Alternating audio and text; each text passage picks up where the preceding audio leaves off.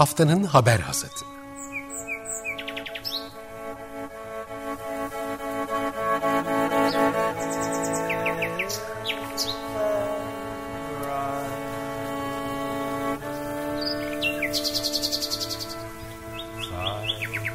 Haftanın öne çıkan iklim haberleri ve araştırmalarından okumalar ve yorumlar.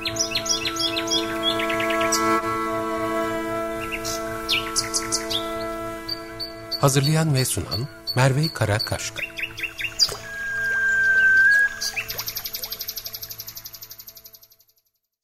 Günaydın, haftanın haber asatına hoş geldiniz. Merve Karakaşka ben. Önümüzdeki bir saat boyunca geçtiğimiz haftanın öne çıkan iklim haber ve araştırmalarını birlikte değerlendireceğiz. Geçtiğimiz haftanın gündemini yangınlar belirledi. Türkiye'nin dört bir tarafından yangın haberleri aldık ve almaya devam ediyoruz. Onlarca hatta geçtiğimiz son 10 güne baktığımızda 200'ün üzerinde yangından bahsediyoruz. İrili ufaklı yangınlar bir kısmı hala devam ediyor, bir kısmı söndürüldü, kontrol altına alındı. Tabii ülkeye gündemini vuran e, yangın haberi Manavgat'tan geldi. Çarşamba günü başlayan yangın dördüncü gününde hala e, çalışmalar sürüyor. E, bu kaydı yaparken dördüncü günündeydi ve çalışmalar sürüyordu diye düzelteyim. Ancak yangınlarla ilgili Türkiye'de genel bir e, aslında kalıp var işleyen kamuoyunda yangınların tepkisiyle ilgili yangınlara verilen tepkilerle ilgili bir, önce bir bunu e, ele alalım. Sonra yangınlarla ilgili bazı yanlış bilgileri düzeltelim. Yanlış bilinen e, doğru bilinen yanlışları ele alalım. E, istiyorum programımızın önce bu e, öne çıkan bir gelişmesini merceğe mercek altına aldığımız bölümünde. Şimdi yangınlar, e, Türkiye'de yangın sezonu biliyorsunuz Temmuz ve Ağustos aylarında zirveye ulaşıyor özellikle e, yangın sayıları. Henüz e, bu sezona dair toplu bir veriye ulaşmak mümkün değil. Bilançoyu biz bilmiyoruz. Ancak bildiğimiz bazı kıyaslamalar var elimizin altında. Ee, Avrupa'nın yangın bilgi sistemi EFIS e, verileri 30 Temmuz 30 e, Temmuz 2010 2021'de Türkiye'de yanan alan miktarını 73.454 hektar olarak ölçüyor. Bu uydu görüntüleri, Kopernik uydusunun görüntüleriyle ölçülüyor bu e, büyüklükler ve bunu 2008-2020 döneminin 30 Temmuz ortalamasıyla kıyaslamak mümkün ve bu ortalama 12.533 hektar. Yani yaklaşık 6 katına çıktığı söylenebiliyor ki e, yine e, yayından önce ben kontrol ettiğimde bu e, sayıları, bu verileri aslında yanan alanın genişlediği ve büyüdüğünü ve bu farkın daha da açıldığını gördüm. Ancak bu verilerin henüz kesinlik kazanmadığını, Türkiye'den gelen e, resmi açıklamaları da dikkate almak gerektiğini not edelim. Şu an sadece e, ortada hem bir e, yangın sezonu ile ilgili belirli kalıpları takip eden tırnak içinde normal ama bazı anormallikler de olduğunu e, belirtmek için aslında bu sayıları veriyorum şimdi. Bunları bir kontrol ediyoruz aslında. Ee, ve e, diğer taraftan o bahsettiğim hani takip ettiğimiz e, kalıplarda kamuoyunda çok tartışılan sorular da var. E, işte uçak kullanılması bir, bir soruydu. Bu genel olarak yangınlardan sonra e, karşımıza çıkan bir soru. E, ondan onun bununla birlikte e, yangınların doğal doğal olarak doğal e, bir şekilde hele de Türkiye'de bu kadar çok eş zamanlı yangının son 10 günde 200 yangından fazla olduğunu söylüyor Tarım Bakanlığı, Türkiye'de Orman Genel Müdürlüğü verileri. Ee, bu kadar yangının eş zamanlı olması doğal koşullarda mümkün mü değil mi çok konuşulan bir konu. Ee, bu tip aklımıza gelen e, sorulardan yani kamuoyunda tartışılan soruları tabii uzmanlara yönelttik. Ee, bu hafta e, ilk uzmanımız bizim bizim sorularımızı yanıtlayan yangın ekoloğu e, İsmail Bekar. Onunla yazılı bir söyleşi yaptık. Önce ona sorduğumuz soru şu, Türkiye'de eş zamanlı olarak bu kadar çok yangın farklı yerde çıkabilir mi, mümkün mü? Akdeniz Havzası'nda durum ne? Kendisinin yanıtı teorik olarak bunun mümkün olduğu ve Akdeniz Havzası'nda ülkeler özellikle her sene olduğu gibi yine yangından nasibini almaya devam ediyor. 24 ee, Temmuz'da İtalya'nın Sardinya adasında ciddi yangınlar çıktı. Hatta İtalya AB'den bu konuda destek istedi. Bu yardım isteme olayı zaman zaman görülen bir durum. Çünkü o şekilde ikili anlaşmalar mevcut. Komşu ülkelerin yardıma gelmesi genel olarak görülmeyen şeyler değil. Belki bunu da belirtmekte fayda var diyor İsmail Bekar.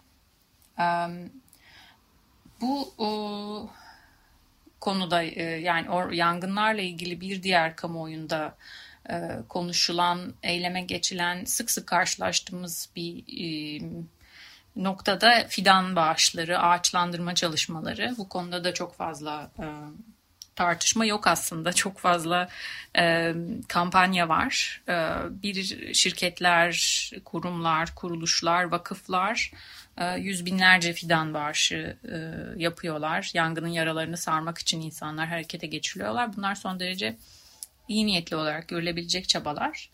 Ee, ancak ağaçlandırma düşündüğümüz kadar e, kolay, e, biraz naif aslında belki olduğumuz bir konu. Çünkü e, yeterince detaylarıyla ele almadığımız belki kamuoyuna aydınlatılmayan bir konu olarak karşımıza çıkıyor. Bunu biraz daha irdeleyeceğiz programın devamında ama e, İsmail e, Bekar'a sorduğumuz bir diğer soru yangından sonra ormanın e, kendisini onarması mı beklenmeli yoksa hemen ağaçlandırma çalışmaları mı yapılmalıydı?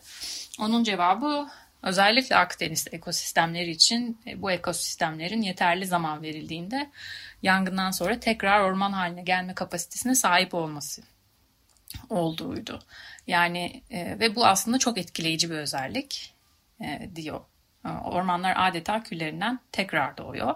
Dolayısıyla yapılacak yanlış müdahaleler bu doğal rejenerasyonu bozma potansiyeli taşıyor. Yanan bir alan, yalan, yanan bir alana yapılabilecek en büyük kötülüklerden biri de bölgeye dozerlerle ve yüzlerce insanla girip ağaçlandırma çalışması yapmak olabilir. Bu açıdan yangın ekologları olarak önerdiğimiz şey Akdeniz ekosistemlerinde yanan alanlara olabildiğince az müdahale etmek. Çünkü ekosistem zaten kendi kendini yenileme kapasitesine sahip diyor. Ee,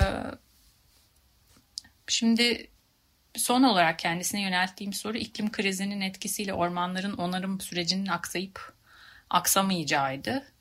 Ee, çünkü e, biliyoruz ki bir normal var. Aslında normalden bahsediyoruz ama şu anki durum ne kadar anormal belki bunun tespitini yapmak lazım. Ee, ve e, onarım süreciyle ilgili de aslında belki öğrenmemiz gereken şeyler de olabilir. Ee, İsmail Bekar'ın yanıtı şöyle, evet etkileyebilir. Artan sıcaklıklar, yağış örüntülerinin değişmesi ya da diğer biyotik faktörler tabii ki ağaçları ve ormanları etkiliyor. Eğer ormanların kendini yenilemesi, iklim değişikliği sebebiyle sıkıntıya girerse bu gerçekten ekosistemlerin geleceği için riskli bir durum oluşturur. Çünkü böyle bir duruma çok yüksek ihtimalle tarihsel yangın rejimlerinde yaşanacak değişimler de eşlik edecektir. Bu iki olayın birleşmesi ekosistemlerin yapısını değiştirme ihtimalini taşıyor diyor. Konuyu irdelemeye devam edeceğiz. Ee, ama şimdi bir müzik molası verelim. Belki e, klibindeki yangın görüntülerinin çağrıştırdığı ve bir iyi bir iklim savunucusu olan e, Billie Eilish e, gelecek. Onun e, iklim krizini doğrudan sözleriyle e, aktardığı şarkısı All the Good Girls Go to Hell. All the Good Girls to Hell gelecek. Orada işte Kaliforniya'da tepeler yanıyor ve sizi daha önce, seni daha önce uyarmamış mıydım diye e, veryansın ediyor. Şarkıyı dinleyelim. Ardından haftanın haber asatı devam edecek. Billie Eilish dinledik. All the Good Girls to Hell isimli parçasıyla bizimleydi. Haftanın haber asatı Açık Radyo'da devam ediyor. Hasat'ın şimdi e, bu bölümünde Manavgat yangınına daha yakından bakıyoruz. E, şimdi Türkiye'de e, az önce programın ilk bölümünde Türkiye'de yangınların, e, Türkiye'de yanan orman alanlarının artışından bahsettik EFİS verilerine göre. Ee, ve e, bu seneki özellikle 30 Temmuz itibariyle yaşanan artışta e, 42 bin hektarlık bir alanın kül olduğu belirtiliyor. Bunun yine e, mutlak bir veri olmadığını paylaşalım. Ancak e, sonuçlar bilanço tam olarak netleştiğinde belki bunları kıyaslamak daha sağlıklı ama şu an bir fikir vermesi açısından özellikle Manavgat yangının etkisini belki şu anda anlayabilmemiz açısından, hayal edebilmemiz açısından faydalı buluyorum bunları paylaşmayı. Ee, Manavgat'ta dört farklı noktada çıkmıştı yangın biliyorsunuz. Rüzgarın etkisiyle kısa sürede yayılmıştı. Ee, Demirören Haber Ajansı'nın aktardıklarına göre 6000 dekar tarım arazisi, 500 dekar serada zarar oluşmuş. 77 bağımsız bölüm yanarak acil ağır hasarlı veya yıkık olduğu tespit edilmiş. 18 köy tahliye edilmiş. 8 köy tamamen yanmıştı. Ee, yangına e, farklı e, çok farklı e, yerlerden gelen desteklerle birlikte kapsamlı bir müdahale var. 19 helikopter, bir uçak, 192 arazöz, 30 iş makinesi ve 30 su ikmal aracıyla müdahale ediliyor. Yangında Hasan Ali Yüksel'le Osman ve Şehri kardeş çifti yaşamını yitirdi. Yaşamını yitirenlere başsağlığı dileyelim buradan. 183 ee, vatandaş da hastanelerde tedavi edildi e, diye aktarılmıştı. Ee, şimdi Orman İşletme Müdürlüğü'ne göre e, yangın riski ve tehlike potansiyeli çok yüksek bölgelerin ağırlıkta olduğu bir ilçe Manavgat, Antalya'da. Ee, ve yayılma riski de çok yüksek. Bu riskler analizleri daha önce yapılmış. Bu raporda görülebiliyor. Ve e, Manavgat'ın karşılaştığı aslında ilk büyük korkutan yangın bu değil. Belki en büyüğü olacak. Ama 2018'de Manavgat'ta Antalya tarihinin en büyük yangınlarından biri gerçekleşmişti. 2008'deki yangın yine benzer şekilde günlerce sürmüştü. Peki şimdi Manavgat yangınında neler değişti? Manavgat yangınları bize neyi anlatıyor tekrar eden yangınlar? Bunlarla ilgili e, Ekolog ve Türkiye Ormancılar Derneği Batı Akdeniz Şubesi Yönetim Kurulu Başkanı Profesör Doktor Tuncay Neyişçi bize e, görüşlerini aktardı. Şimdi e, e, ona kulak veriyoruz. Sonra tekrar yorumlamamıza devam edeceğiz. Bundan öncekilerden pek farklı olduğunu zannetmiyorum. Ya tabii zaman farkı vardır. Çünkü 2008 senesinde biliyorsunuz Türkiye'nin en büyük yangınlarından bir tanesi yine aynı coğrafyada oldu. Bu sefer ırmağın öbür tarafında e, Taşağıl yangını diye geçer. 15 bin 17 bin hektarlık falan bir alanı etkilemişti. Şimdi Antalya Orman Bölge Müdürlüğü'nü hesaba kattığımız zaman, onu e, temel aldığımız zaman en çok yangının ve en büyük alanda etkili olan yangınların şey Serik ve Manavgat'ta çıktığı eskiden beri bilinen bir şey. Bunun da çok ne, temel bir nedeni var. Çünkü Aksu Nehri ve şey e, Köprüçay o işte Milli Parkı'nın da olduğu yer. Bunlar doğrudan doğruya kuzeye açılan vadileri oluştururlar. Bu şu demektir. Anadolu içerisinden gelen kurutucu havaların ki bu e, Arap Yarımadası üzerinden gelen kurutucu rüzgarların geldiği bir yöndür. Antalya'ya dağları geçtikten sonra bu vadi üzerinden o sıcak rüzgarları, Poyraz dediğimiz rüzgarları getirirler. Yangınların büyük bölümü de işte bu Foen'de falan da deniyor bütün bunların adına ama biz buna Antalya'da e, Poyraz diyoruz. Bu Poyraz yangınları sırasında e, oluyorlar. E, bu da biliniyor. Bakın 1980'li yılların sonu 90'lı yılların başında yangına dirençli ormanlaştırma diye bir kavram geliştirmiştim ben. O TÜBİTAK destekli bir e, araştırma çalışmasıydı. O zaman şöyle bir öneride bulunmuştum. Bu bölgedeki bütün ormanlaştırma ki ağaçlandırma diyoruz biz maalesef. E, e, ağaçlandırma faaliyetlerinde ağaçlandırma alanlarının veya diğer ormanların sık dikilmiş, bu rüzgar yönlerine dik olarak dikilmiş e, bir, iki, üç sıralı servilerle rüzgar perdelerinin oluşturulması. Bunun her 100, 200 yani durunun alanın koşullarına göre tekrar edilmesi gerektiğinden söz etmiştim. Birinci e, engelde rüzgar biraz düşer. İkinci de zaten tehlikeli veya yangına pek fazla neden olamayacak e, şeylere hıza düşer idi. Böylece de ormanlarımızı rüzgara, aynı zamanda da şeye karşı, yangına karşı da korumuş olurduk.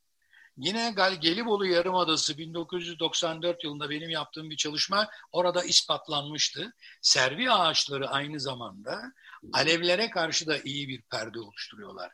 Güç yanıyorlar. İşte onun için de ben zaten bu çalışmada servi ağaçlarından oluşturan rüzgar perdeleri demiştim. Bu aynı zamanda servi ağaçlarının e, alevlere karşı da orman yangınlarına karşı da bir tür engel oluşturulacaklarını oradaki yangın ispat etmiş olduğu için. Yapıldı mı? Yapılmadı. Eğer yapılmış olsaydı, bakın bu yangınların hiçbirisi ne 2008'deki ne bugünkü yangınlar bu kadar büyük şiddette olmazdı.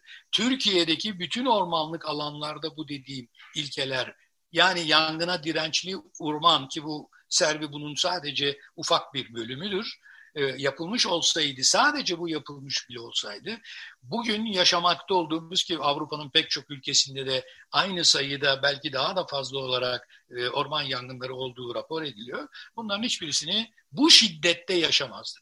Orman yangınlarını bütünüyle ortadan kaldırmak diye bir şey hayaldir, mümkün değildir. Yangınlarla birlikte yaşamak e, zorundayız. Bunu öğrenmek, buna kendimizi adapte etmekte zorundayız.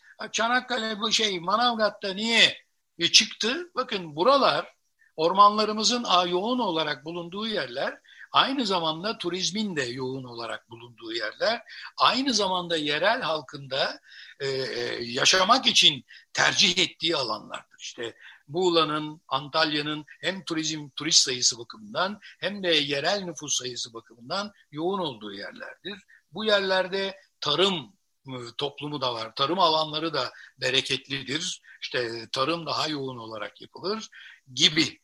Buradaki ormanların içerisine de çok yoğun olarak her yerde olduğu gibi ama özellikle nedense Ege ve Marmara ormanlarının içerisine çok fazla sayıda taş ocağı, HES'ti, RES'ti, maden ocağıydı, çöplüktü, işte herhangi başka ikinci alan, ikinci konuttu, turistik tesislerdi gibi orman dışı kullanımlar içinde çok yoğun izinler veriliyor. Bu izinler orman içerisine daha fazla sayıda insanın, daha fazla sayıda aracın girmesine neden oluyor. Bunlar da doğal olarak bu bölgedeki orman yangınlarının riskinin artmasına, yani kıvılcımın orman içerisine girmesine neden oldukları için de orman yangınları giderek her sene hem sayısal olarak hem de daha önemlisi alansal olarak artmak durumunda.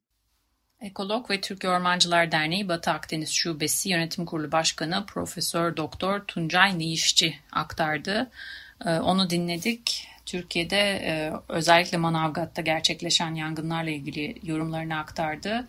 Ee, öncelikle e, altını çizdiğimiz noktalar bu Manavgat'ın bize aktardığı buradan öğrenmemiz gereken şey yangınla birlikte yaşamayı belki öğrenmemiz gerektiği, bunu bir hayatın gerçeği olarak kabullenmemiz gerektiği ee, ve yine e, daha önce e, yangın ekolo İsmail Beker'le paralel olarak da yapmamız gereken kesinlikle ağaçlandırma değil yeniden ormanlaştırmadır diye aslında iki kavram mı da birbirinden ayırmış olduk. Bu kamuoyunda yine çok birbirine kıyasla karşılaş, birbiriyle karıştırılan şeyler ağaçlandırma ve ormanlaştırma. Ağaçlandırma bir bir fidanları düşünürken ormanlaştırma bir ekosistemi yeniden canlandırmayı düşünmesiyle birbirinden tamamen aslında farklı çalışmaları, farklı işleri kapsıyor. Bunun da altını çizmek gerekiyor. Peki krizi kabullenmek aslında biraz da burada önemli. Yangınları kabullenirken aslında krizi kabullenmekten bahsediyoruz. Çünkü aslında e, iklim krizi e, bu bu tip yangınların en büyük tetikleyicisi. Peki bu sonuca nasıl varıyoruz? Şimdi öncelikle daha geniş bir pencereden bakmamız gerekiyor. Eğer sadece de Türkiye'de bu yangınların olduğunu düşünerek hareket edersek bu bizim e, aslında hiçbir zaman e, mücadeleyi gerçek anlamda edemeyeceğimiz bir problemle karşılaşmamıza sebep oluyor. Şimdi kıyaslama yapmamız gerekiyor. Önce Akdeniz havzasına bir bakıyoruz. Ee, Akdeniz kıyısında bulunan iki ülke mesela İtalya'da yanan alanlar 30 Temmuz itibariyle nasıl değişmiş? 21.400'müş 2008-2020 ortalaması 2021'de 2021'de 53.739 hektara çıkmış yine EFIS verilerine göre. Fransa'da 30 Temmuz ortalaması 6.784'ten 22.807 hektara çıkmış. Şimdi bunlar çok ciddi sıçrayışlar. Demek ki aslında e, bir yangınlarda yangın sayısında ciddi bir artış var. Bu dünya genelinde de böyle. Geçtiğimiz hafta biliyorsunuz Sibirya'dan, Amerika'dan örnekler vermiştik. Amerika, Amerika'da yine bugün de değineceğiz aslında. Ee, ve daha geniş bir e, ölçekten baktığımızda Türkiye'nin kuzeyinde, İtalya'da, e, güneyinde, e, Ukrayna'da çok sayıda yangın olduğunu, Rusya Rusya'da çok sayıda kontrol edemeyen yangın olduğunu da görüyoruz. Şimdi peki bu konuda Yangın konusunda yapılan araştırmalar bize ne söylüyor? Küresel ısınma ve iklim krizinin e, bu kontrol edemeyen orman yangınları etkisini inceleyen araştırmalara baktığımızda insan kaynaklı sera gazı salımlarının ekstrem yangın hava koşullarını Amazon yağmur ormanları ve Akdeniz havzası için hali hazırda %50 artırdığını görüyoruz. Şimdi bu çok ciddi bir rakam e, ve e, eğer bu şekilde devam edersek 21. yüzyılın sonunda yine aynı sebeplerle antropojen e, salımlar nedeniyle sıcaklık ve görece nem ve yüzey rüzgar hızı değişimi ekstrem yangın hava koşullarını dünya çapında ikiye katlıyor. Bunda Akdeniz Havzası da dahil belki belirtmeye gerek yok. E, Orta Doğu bölgesi özelinde Türkiye'den araştırmacıların da olduğu bir başka e, çalışmaya göre de 100, son, 100 yılın son 30 yılında bölgede çok ciddi artışlar gözleniyor. Hali hazırda bir kuraklaşma süreci içerisinde olduğumuzda aslında değerlendirdiğimizde yangınların bir tür çölleşmeye de hizmet ettiğini tırnak içinde e, düşünmek çok karamsar, çok distopik değil aslında. O yüzden e, e, bunları harekete geçmemiz gerektiğini de bize işaretleri olarak okumamız gerekiyor. Peki ne yapmak gerekiyor? Bu yangınları kabullenmek, bu yangınlarla birlikte öncelikle tabii ki iklim için eyleme geçmek, bir azaltım politikası, e, insan e, ve e, orman etkileşimini minimuma indirmek gerekiyor. Tüm bunlar aslında bir paradigma değişikliği anlamına geliyor. Çünkü bugünkü mücadele yöntemimiz yangınlar ortaya çıktıktan sonra onları bastırıp kontrol altına almak üzerine kurgulanmış. Ocak 2020 tarihli Akdeniz tipi bölgelerde yangın yönetimini ele alan bir birimsel araştırmayı incelediğimizde buradaki paradigma değişikliğini bize nasıl olması gerektiğini gösteriyor. Küresel ısınma bu hızla devam ederse orman yangınının şiddeti ve sıklığı artacak. Bunu kabul edeceksek eğer yangınları e, bastırmaktaki başarımızı yanan alanları daraltmakla ölçmek yerine yangınların toplam toplum ve ekosistemler üzerindeki etkisini azaltmaya odaklanmamız gerekiyor. Ee, bu ne demek? Ee, can kaybını, ekonomik kayıpları, toprak erozyonunu, yani toprağın göreceği zararı, biyolojik biyoçeşitlilik kaybını ve e, yangında ortaya çıkan karbon salımlarını azaltmaya odaklanmalıyız. E, peki bu nasıl olabilir? Bu nasıl mümkün? Bilim insanlarının orada önerdiği çözüm, e, araştırmayı yapan bilim insanlarının önerdiği çözüm bir ortak varoluş çözümü. Tıpkı bitkiler, hayvanlar gibi doğaya uyum sağlayan e, doğayla veya yerli kabileler gibi aslında e, bir ortak varoluş çözümü. E, bunun için hükümetlerin daha az kırılgan ve yangına daha dayanıklı alanlar geliştirmeleri gerekiyor bu insan ve orman etkileşiminde ve altyapı için riski en aza indirmeleri de tavsiye ediliyor. Şimdi hasatın diğer haberlerine geçmeden önce bir müzik molası vereceğiz. Yine iklim için harekete geçen sanatçılardan Tom York gelecek. Aslında bu Radiohead'in biliyorsunuz eski solistiydi. Ve Greenpeace'in bir kampanyası için Hands Off the Arctic Antarktik diye bir e, parça e, bestelemişti. Şimdi Tom York'un Hands of the Antarctic şarkısını dinleyeceğiz. Ardından Hasat'ın diğer haberleriyle programımıza devam edeceğiz.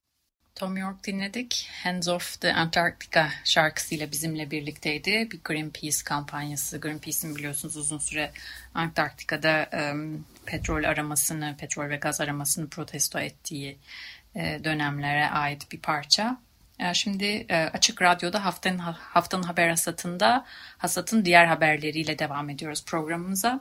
Hasatın diğer haberlerinde önce ağaç dikme ile ilgili zaman sağlığı Türkiye'dekilerle e, ilginç bir şekilde çakışan bir e, konu var. Bloomberg'in haberi. E, kentler için milyonlarca ağaç dikmek popülerleşen bir vaat. Dünya çapında bir vaat ve bunların e, ele alındığı bir araştırma haberine göre bu bu vaatlerin, bu projelerin birçoğu hedeflerinin gerisine düşüyor. Çünkü e, süne geçmeden önce aslında örneğin Kopenhag'da 2015 yılında 2025'e kadar 100 bin ağaç dikme planı olduğu duyurulmuştu. Ancak e, aradan geçen 6 yılda bu ağaçların birçoğu öldü. E, çünkü e, çok sayıda ağaç dikmek, ağaç dikerek etkileyici bazı halkla ilişkiler kampanyaları yapmak mümkün. Ancak bu kadar çok ağacın uzun süreli bir bakıma ihtiyaç duyulduğu genelde böyle projelere başlarken hesaba katılmıyor. Bu e, bir ağaçların en az 3 yıl e, takip edilmesi gerekiyor. E, ve türlerine göre ağaçların da nem, ısı, ışık vesaire ihtiyaçları var. Yani aslında bütün ağaçlar da aynı değil. Uzunlu, kısalı, belki gövde genişlikleri, ağaçların dallarının yükseklikleri, açıları her şeyi birbirinden farklı ve her birinin ihtiyaçları da farklı. Ee, ve e, toprak analizinin yeterince bu ihtiyaçlara göre yapılması, yeterince iyi yapılması gerekiyor. Ee, kentlerin nemlilik ve kuraklık oranlarına göre elbette ki ağaçları konumlandırmak gerekiyor. Ee, bir diğer önemli faktör de iklim krizi. Çünkü iklim kriziyle birlikte e, tamamen e, değişen hava koşullarında ağaçların hayatta kalma şansı da azalabiliyor. Ve Londra örneğinde haberde e, verilen Londra örneğinde e, ağaç çeşitliliğinin bir tür koruma sağladığı belirtiliyor. Çünkü eğer e, iklim kriziyle birlikte şartlar değiştirdiğinde bir türü kaybetsiniz ya da birkaç türü kaybedebilirsiniz ama hepsinin birden ortadan kalkması olasılığı azalmış oluyor. Ee, bunun e, peki çeşitliliği sağlayacak bir ölçü var mı? Bunun için tepe örtüsünü ölçmek e, akla gelen ilk yol gösterici çözüm olarak sunuluyor. Ee, burada e, Türkiye'de de çok sayıda ağaç dikme kampanyaları göreceğiz. Ee, eğer siz de bunların parçası olmak da isteyebilirsiniz. Ancak ağaçların en önemlisi aslında dikmekle başlamıyor. Diktikten sonra takibiyle başlıyor. Ee, bu konuda e, aracı olduğunuz veya aracı olan kurum ve kuruluşlardan e, ağaçların lokasyonları ile ilgili veya durumları ile ilgili e, raporlamaları talep edebilirsiniz. Mümkünse uydu üzerinden izleyebilirsiniz bu ağaçların durumunu sürekli olarak. Ve aslında ağaçların korunup korunmadığı, daha sonra ne amaçlar için kullanıldığı da önemli faktörler. Bir diğer orman yangınlarıyla mücadele eden bir diğer ülke Amerika Birleşik Devletleri. Ee, geçtiğimiz hafta New York City'nin iki katı kadar büyüklükte bir alanın yandığından bahsetmiştik. En büyük yangında ülkenin karşılaştığı ve e, Joe Biden için bu çok büyük bir mücadele gerektiriyor ve e, demokratlar ek kaynaklara ihtiyaç duyduklarını belirtiyorlar. Ee, Joe Biden açıklamasına göre hali hazırda 1 milyon 375 bin 930 hektar alan e, kül olmuş durumda. E, ve e, yangınla mücadele için itfaiye çalışanlarının sayısı da 3 katına çıkarılmış. Buna karşın yeterli gelmiyor.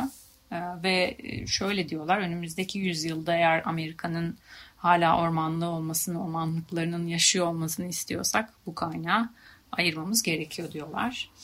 Ee, sıcak hava dalgalarıyla boğuşacak olan bir diğer, boğuşmaya hazırlanan diyelim bir diğer ülke Yunanistan komşumuz. Ee, orada da çok ciddi seviyeleri çıkabiliyor, 42 dereceleri görebiliyor. Ee, yangın devriyelerini e, ve güç e, kesintilerine karşı altyapı denetimlerini sıklaştırdı. E, ülkede e, artan sıcaklıkla birlikte klima kullanımı rekor seviyelere çıkıyor. Haliyle enerji tüketimi içinde bir sınav haline, bir test niteliği haline geliyor.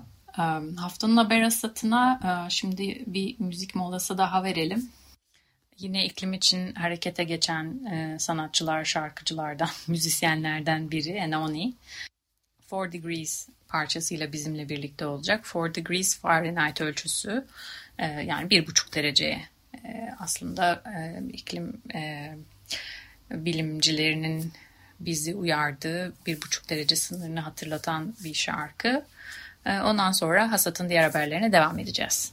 Haftanın haber Hasat'ında Enoni'yi dinledik. Four Degrees dedi. Ee, Hasat'ın diğer haberleriyle devam ediyoruz. Şimdi 14 e, bin bilim insanının imzaladığı yeni bir iklim aciliyeti makalesi var. Ondan bahsedeceğiz. Bu makale 2019'da yayımlanmıştı. Şimdi e, ve sanırım yanlış hatırlamıyorsam 11 bin e, bilim insanının katılımıyla e, sunulmuştu. Şimdi 14 bine ulaştı sayı. E, çok ciddi güncellemeler var. Şimdi yeryüzünü bir e, canlı gibi hali bir canlı gibi düşünürsek onun hayati göstergelerini ölçen bir makale çalışma bu. 31 hayati gösterge temsil ediliyor burada, e, belirleniyor. E, bunlar arasında işte nasıl bir e, canlının hayati göstergelerine bakarken e, vücut sıcaklığı işte e, mesela e, burada da okyanusların ısınması işte e, ciğerlerinin iyi durumda olup olmadığı için ormansızlaşma sera gazı salımları deniz buzu genişliği buzul kalınlığı gibi e, farklı e, göstergeler var ve bu 31 hayati göstergenin 18'inin yeni rekor yüksek ya da rekor düşük seviyelere ulaştığı belirtiliyor. Bilim insanları anlatılmamış acıların yaşanmasına çok az kaldığını belirtiyorlar. Bu eşikler, belirttiğimiz e, eşikler, rekorlar geçildiği zaman e, artık e, yeryüzünün sağlığı konusunda ciddi endişeler, geri, dönüşülme, geri dönülmez noktalara geldiğimizde biliyorsunuz daha önce belirtilmişti. Şimdi e, iklim krizi aciliyetinde bilim insanlarının önerdiği 6 tane e, madde var. E, bunları e, şu an gecikmeden harekete e, geçmemiz gereken e, adımlar. İlk fosil yakıtları bırakmak, ikincisi kirleticileri kullanmayı durdurmak, üçüncüsü ekosistemleri restore etmek, dördüncüsü bitki temelli diyetlere geçiş yapmak, Beşincisi sonsuz büyüme modellerinden uzaklaşmak, ekonomik büyüme modellerinden, degrowth yani küçülme aslında burada ifade edilen ve insanın nüfuzunu stabilize etmek. Burada kirleticiler dendiğinde aklımıza ilk gelen şey ise plastikler oluyor. Plastikler çok ciddi bir problem ve haber asıtında da bundan birkaç bölüm önce fosil yakıt şirketlerinin e, plastiklerle ilgili fosil, e, mücadelesinin aslında iklim kriziyle mücadelesine çok benzer olduğunu e, paylaşmıştık. Aslında bunu kendileri itiraf etmişlerdi fosil yakıt şirketleri bunun farkında olmadan. İfşa edilmişlerdi. Plastiklerde de benzer bir yöntem takip ediyorlar ve ciddi lobi yapıyorlar. Ee, bu lobi faaliyetleri görünüşe göre işe yarıyor. Çünkü dünyanın en büyük fosil yakıt şirketlerinden Exxon e, finansal çeyrek finansal sonuçlarını açıkladı. Şimdi e, pandemi döneminden sonra çıkışta artık biliyorsunuz e, yeni bir metan ve sera gazı salımlarında yeni rekor seviyeleri geldi. Karbon ve metan salımlarında yeni rekor seviyelere ulaştık.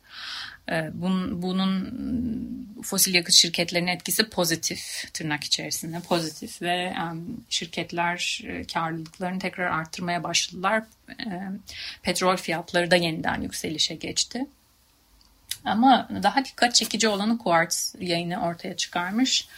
Ee, tüketicilerin artan plastik talebi sayesinde Exxon'un petrokimyasallar bölümü bugüne kadar kayıtlara geçen en iyi çeyreği e, geçirmiş. ve şirket bu konuda ciddi yatırımlar yapıyor. En son Çin'de 10 milyar dolarlık petrokimyasal tesisi açmış bu alanda tek başına. Oldukça büyük bir iş ve plastikler bu hızla yine ciddi problemler çıkarmaya da devam ediyor. Birleşik Arap Emirlikleri ee, Çin'in plastik atık ithalatını durdurmasının ardından sevkiyatlarının zorlaşması üzerine tonlarca atığı yakarak enerji üreteceği 1.1 milyar dolarlık bir tesis kuruyor. Türkiye'nin de yakın zamanda plastik atık ithalatını e, durdurmasının gerektiğine dair bir araştırma da yayınlanmıştı. Biliyorsunuz e, bu konuda bir yasak vardı ve orta ve kaldırıldı. Şimdi Türkiye'nin plastik atık ithalatı özellikle Akdeniz'de en çok deniz kirliliğine sebep olan, plastik kirliliğine sebep olan ülke, ülke olmasının da besliyor. Bununla birlikte plastik geri dönüşüm fabrikaları yangınları şüpheli biçimde artmaya devam ediyor ve bu dönüşümün yani plastiğin yakılarak ortadan kaldırılması e, bölgede yaşayanlar için çok ciddi tehlikeler, sağlık e, için tehditler oluşturuyor. Bunları da hatırlatmakta fayda var yeri gelmişken. Bunların da altını çizelim. Yani son olarak belki biraz daha pozitif bir uyum süreci e, haberi paylaşalım hasatın diğer haberlerinde. Britanya hükümeti bisiklet kullanımı ve yürüyüşü ülke çapında teşvik etmek için 338 milyon sterlinlik yatırım yapacağını açıklamış.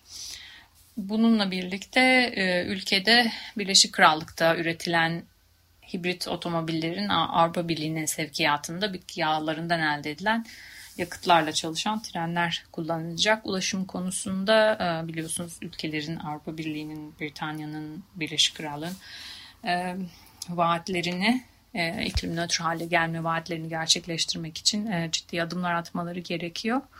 Bunların devamı da gelecek gibi görünüyor. Haftanın haber hasatında, hasatın diğer haberlerinde sonuna geldik. Şimdi Anadolu'nun ses arşivine uzanacağız. Anadolu'nun ses arşivinde biliyorsunuz Anadolu'da çevresel adalet mücadelesiyle ilgili ses kayıtlarını dinliyoruz. Onlara kulak veriyoruz. Bugün Zonguldak'a uzanacağız. Greenpeace Akdeniz bir süre önce Zonguldak'ta adil dönüşüm kampanyası başlatmış ve Zonguldak için başka bir hayat mümkün sloganı ile çıkmıştı bu kampanyayı. Ee, biliyorsunuz Zonguldak Türkiye'nin artık kömür bir dönem artık kömür ekonomisinin, kömüre dayalı ekonomisinin amiral gemisiydi.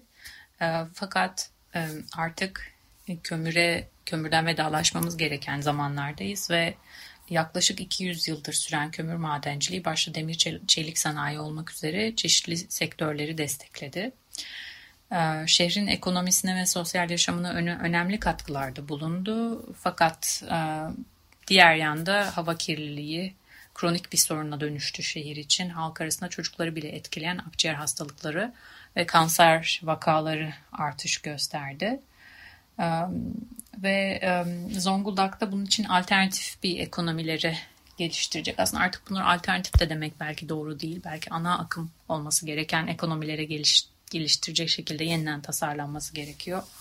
İşçiler için Greenpeace'in, Greenpeace Akdeniz'in talepleri, alınması gereken aksiyonları sıraladığı maddeler şöyle. İşçiler için adil geçiş fonu oluşturulması, iklim dostu girişimcilere ve üreticilere hibe, kredi, vergi indirimi, işletme bilgisi ve kapasite artırımı gibi teşviklerin verilmesi, enerji dönüşümünün önceliklendirilmesi, yenilenebilir enerji alanında istihdam oranı, olanaklarının yaratılması ve mesleki eğitimlerin verilmesi, özellikle kömürle bağlantılı sektörlerde çalışanlar için bu eğitimlerin önceliklendirilmesi ve ücretsiz gerçekleştirilmesi, kömür nedeniyle atıl ve kirli duruma gelen arazilerin rehabilitasyonu, şehre yeniden kazandırılması diye e, sıralanıyor. E, şimdi Greenpeace'in paylaştığı çok çarpıcı bir e, kayıt var. Kaçak maden çalışanları ile ilgili Zonguldak'ta ve e, bu maden işçilerinin seslerinden e, bu kaçak madenlere tanık oluyoruz. Şimdi e, onlara kulak verelim, Zonguldak'a uzanalım. Ardından haber asatının sonuna geleceğiz. Kaçak maden yani nasıl anlatayım abi? Buraların gerçeği Zonguldak'ta. Bizi burada kömüre mahkum ediyorlar.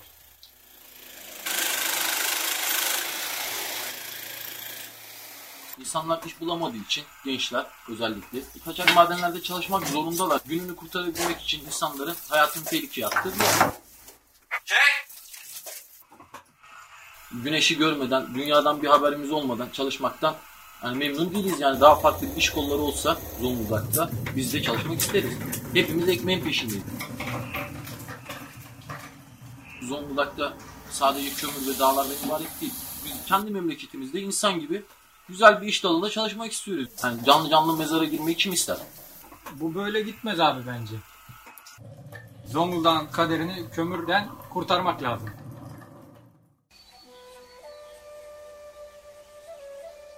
Bütün maden şeyleri böyledir. Maden bir anda maden bulunur. Altın olsun, kömür olsun. Bir anda orada şehirleşme olur.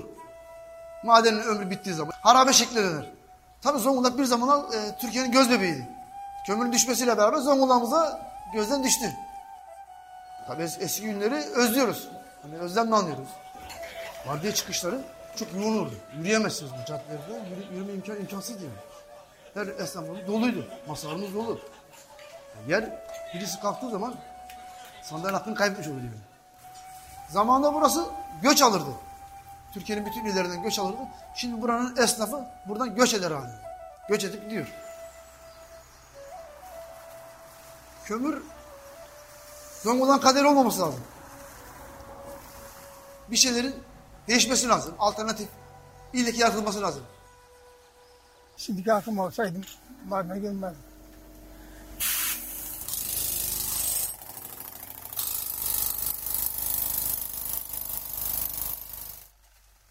Asıl meslek hastalığı. Çünkü orada hep taş tozu yedin.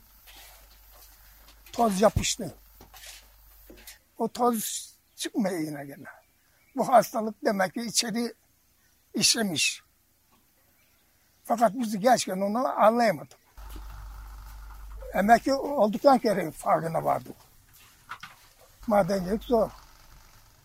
Kendim çektiğim için çocuklarımı madene girmesini istemedim. Okuttum. Meslek aldılar ellerine. İsterim ki gençler böyle mahkum olmasın. Başka yerde çalışsın. Anadolu'nun Ses Arşivinde e, Haftanın Haber Hasatı'ndan Anadolu'nun Ses Arşivleri bölümümüzü dinledik. E, bu bölümde Greenpeace Akdeniz aracılığıyla Zonguldak'taki adil dönüşüm kampanyası için hazırladıkları kayıtları e, dinledik.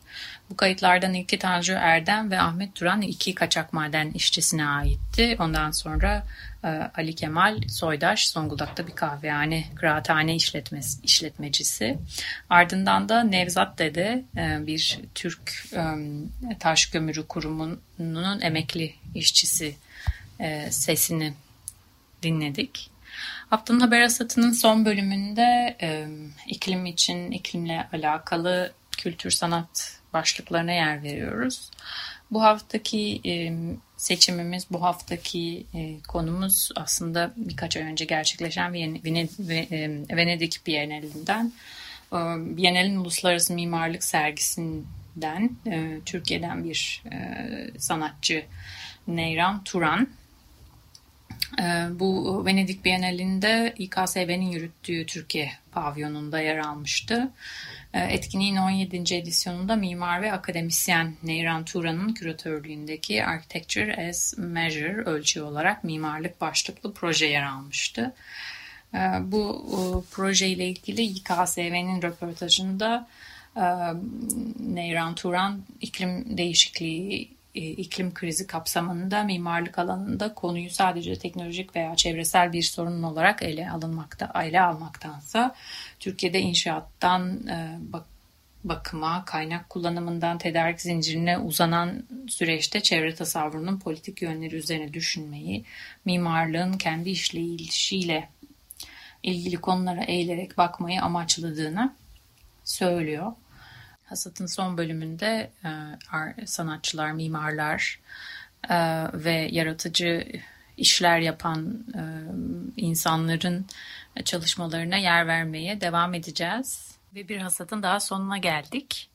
Önümüzdeki hafta daha iyi haberlerle görüşmek üzere diyelim ve finalimizi yine bir iklim şarkısıyla yapalım.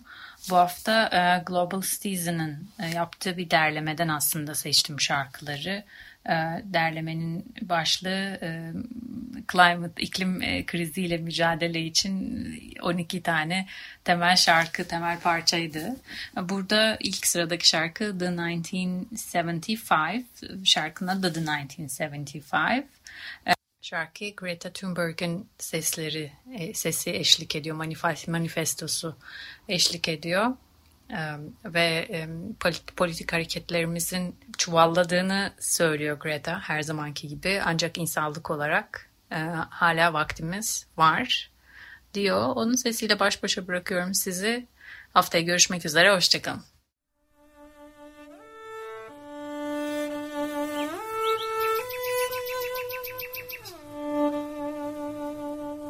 Haftanın haber hazırlığı.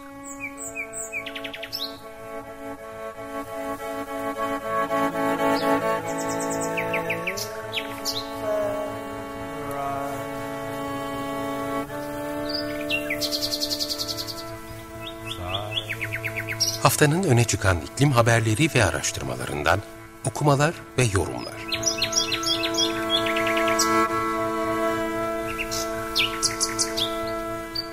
Hazırlayan ve sunan Merve Karakaşka